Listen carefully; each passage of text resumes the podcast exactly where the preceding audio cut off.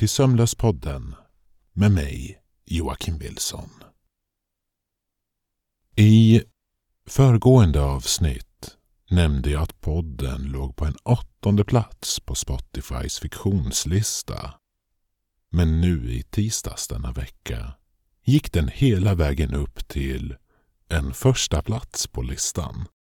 Vilket är helt fantastiskt. Och har varit lite svårt att eh, ta in. Att som ensam poddare kunna konkurrera med högkvalitativa podcasts från bland annat Sveriges Radio och storproduktioner i USA gör att jag ändå känner att det är tillfälle att ge mig själv en klapp på axeln. Men det är inte anledningen till att jag gör Sömnlöspodden. Det är för att få utlopp för min kreativitet, min skaparglädje och att kunna skriva berättelser och att berätta era. Det är och kommer alltid vara det allra viktigaste för mig. Denna historia har titeln Mörkrädd. Det var faktiskt nära att Sömnlöspodden skulle hetat Mörkrädd istället. Vilket man kunde se på min gamla omslagsbild. Där det var mitt ansikte i mörkret. Men nu ses där istället mitt favoritdjur. Eller själsdjur rättare sagt. Kråkan. Och ett teaterdraperi. För när allt kommer omkring så är jag ju utbildad teaterpedagog och skådespelare. Omslagsbilden är skapad av min kärlek, Mia Makila, som kommer medverka som röstskådespelare i detta avsnitt. Nu tar vi oss tillbaka några år i tiden och ger oss in i mörkret.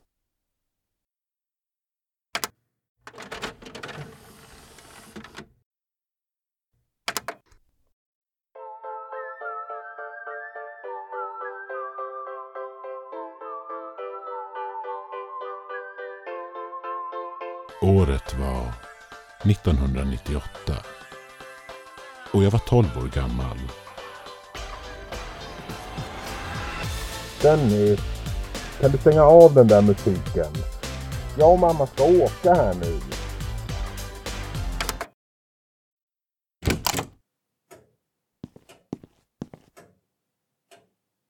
Mina föräldrar stod i hallen min pappa hade just tagit på sig sin pösiga vinterrock och den där fruktansvärda pälsmössan som fick honom att se ut som en sibirisk pälshandlare. Min mamma gick runt i cirklar. Tog av sig vinterstövlarna. Gick in för att kissa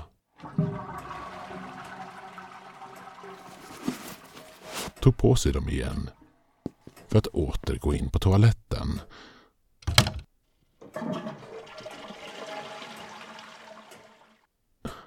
Jag suckade. Himlade med ögonen och längtade efter att de skulle gå.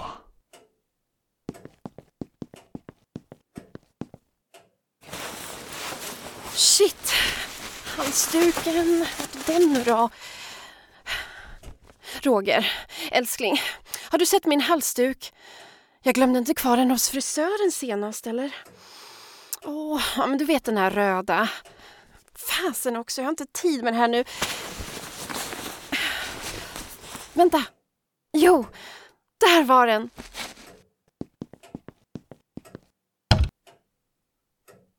Medan min mamma rusade in på toaletten en sista gång gick min pappa fram till mig han tog mig faderligt över axeln. Dennis. Är du säker på att du inte vill följa med till mormor? Jag vet ju att vi sa att du fick bestämma själv. Men vill du verkligen vara ensam här hemma hela helgen? Frågade min pappa. Ja, alla mina kompisar har haft FF någon gång. Kan inte bara åka nu? Frågade mitt tolvåriga jag otåligt. Vad är FF för någonting? Frågade min pappa. Men, ah, föräldrafritt. Som jag väldigt gärna vill ha. Typ nu, svarade jag.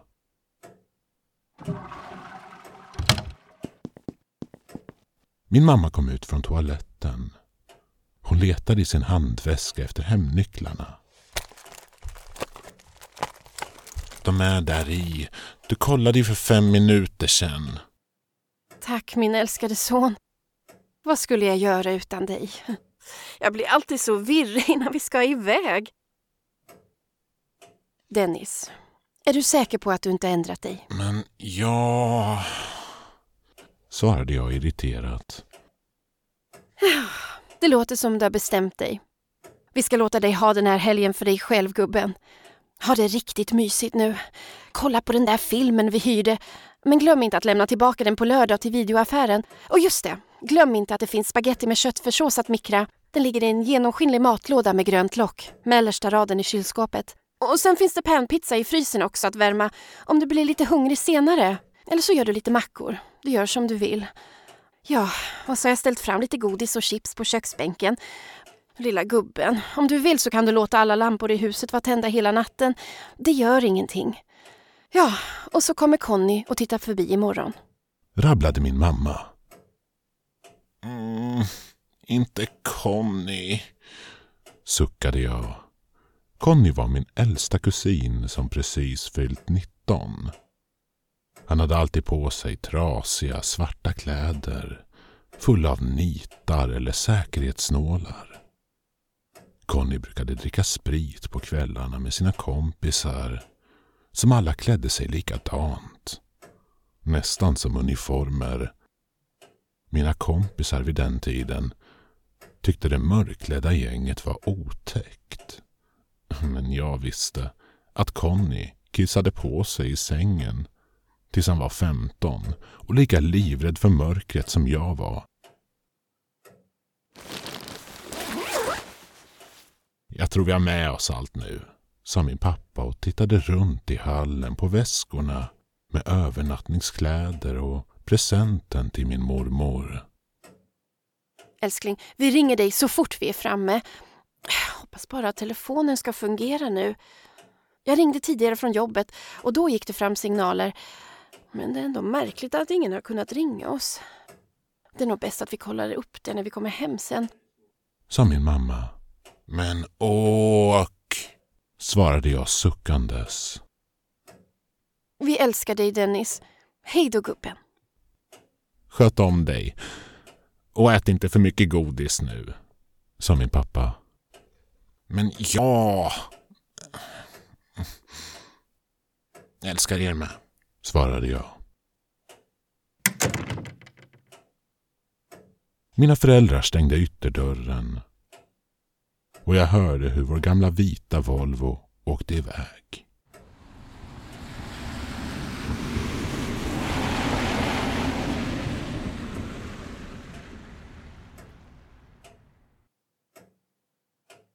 Äntligen så var jag ensam. Mitt upplysta barndomshem hade aldrig känts så stort. Jag stod kvar där i hallen och kände att möjligheterna var oändliga. Det allra första som jag gjorde var att rusa in på mitt rum och hoppa i sängen.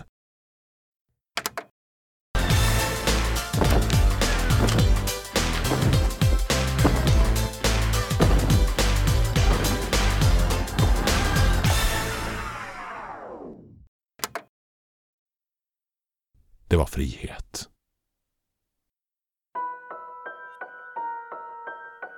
Men också en protest mot monstret som bodde där under när det blev mörkt.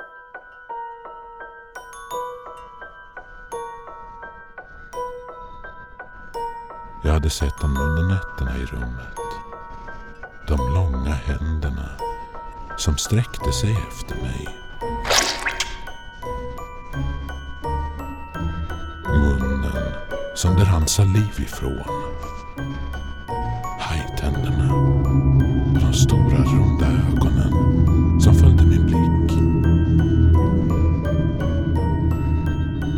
Hade jag alltid tänt på mitt rum.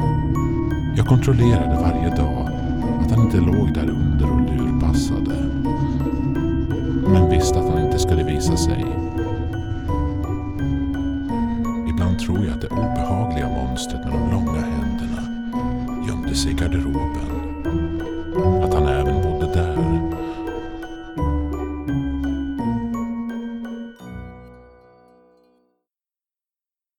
Föräldrar brukade skratta åt mig när jag nämnde honom.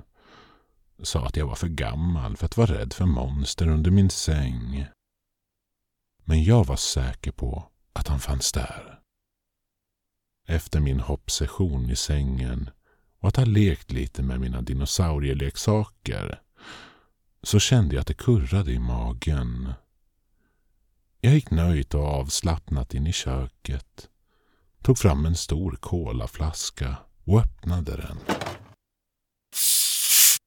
Jag letade fram panpizzan i den överfulla frysen som jag längtat efter. Jag värmde den i mikrovågsugnen och andades in lukten av smält ost och tomatsås. Den plastiga, men ändå tilltalande lukten. Jag kände på mitten av den färdigmikrade pizzan för att se om den var varm nog och brände mitt finger. Aj! Med händerna fulla av panpizza och den stora kolaflaskan tog jag mig in till vardagsrummet med terrakottatapeterna. Bordslamporna var tända, så även taklampan. Det gjorde att jag kände mig trygg. Jag kastade mig ner i den bruna skinnsoffan och bara satt där och njöt av min nyvunna frihet. Greppade tag i VHS-filmen som låg i det tjocka fodralet. Tittade på omslaget. Där huvudpersonen, en mörkhårig man med skarp, renrakad haka stod och såg seriös ut. Bakom honom var en rödhårig kvinna iklädd ett vitt smutsigt linne. Hon höll nonchalant ett gevär i sin högerhand med en självklarhet. Som om det vore en bok, handväska eller smutstvätt. De såg häftiga ut och de kom säkert från USA. Filmen hette Hunters of Death, Fate of the Planet och jag hade fått tjata till mig att jag var gammal nog att se den. Det var ju en actionfilm. Inte skräck. Inget otäckt. Jag satte igång VHSen och satte mig ner för att njuta av filmen. Get down! Phillips! Are you insane? You haven't seen half of it yet. Filmen var riktigt spännande. Kvinnan med det skitiga linnet på omslaget var riktigt tuff. Och gjorde precis som hon ville.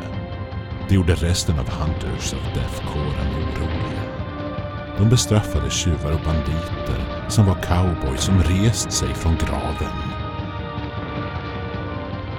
Jag satt som försjunken och innan jag visste ordet av hade jag ätit upp hela panpizzan.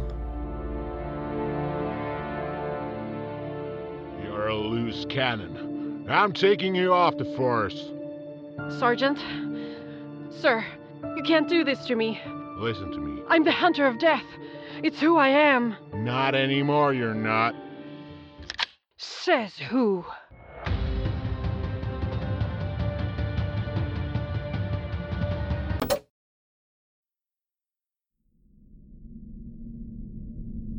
Mitt i upplösningen är Phillips.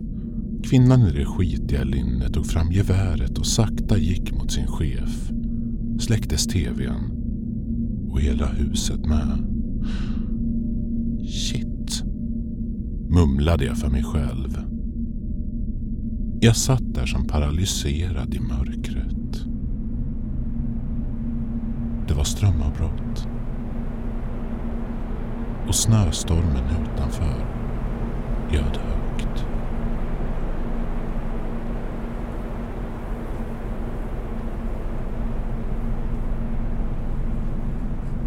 Detta var min värsta mardröm. Ljuset var min säkerhet. Hallå? Hörde jag mig själv ropa hjälplöst. Trots att jag visste att ingen var där. Det gick inte att se någonting. Så mörkt var det. Jag letade mig i blindo fram till köket med hjälp av kroppsminne för att se om kylen och frysen hade slutat fungera. Det hade de. Jag började fundera på vart proppskåpet stod. Kanske var det bäst att ringa mamma och pappa. Nej. Om jag gjorde dem oroliga och rädda skulle jag ju aldrig få FF igen. Det här var min chans att visa att jag var redo för det. Kanske skulle strömmen komma tillbaka snart. Jag letade mig fram till vardagsrummet igen. De terrakottafärgade tapeterna med lister var mörkare än min pappas vinterrock. Aj! Jag slog i tån mot soffan och la mig raklång ner i den.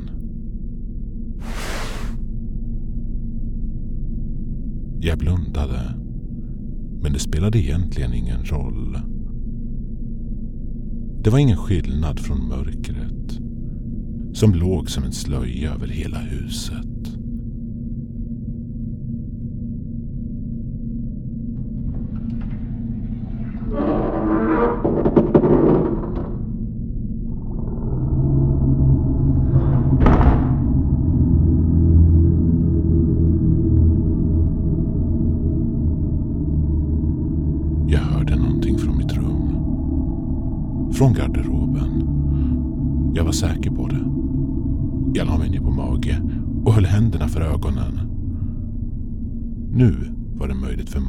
Monstret att vandra runt bäst han ville. Och vetskapen om det fick det att krypa i hela min kropp. Ibland tänkte jag att han aldrig vågat sig ut eftersom mina föräldrar sov i rummet bredvid. Finns det ingen ficklampa här någonstans? Något ljus? Sa jag tyst för mig själv. Men ingen svarade. Och kanske var det bäst så.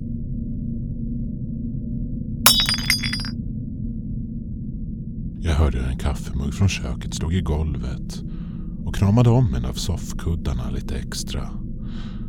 Andningen blev hastigare och min panna var svettig.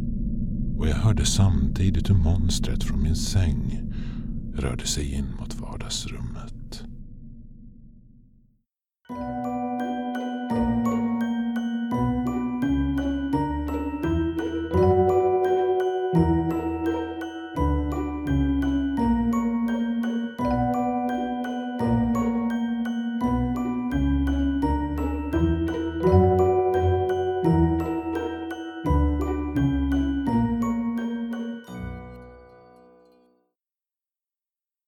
Det var första delen av berättelsen Mörkrädd. Som är, vilket jag nämnde i tidigare avsnitt, en Sömnlöspodden originalberättelse. Hur kommer det att gå för Dennis i nästa avsnitt? Skriv på Facebook eller Instagram om var du tror historien är på väg. Gingen som alltid inleder avsnitten är komponerad av Rickard Hallebäck. Tack för att du lyssnat. Sov gott och välkommen åter.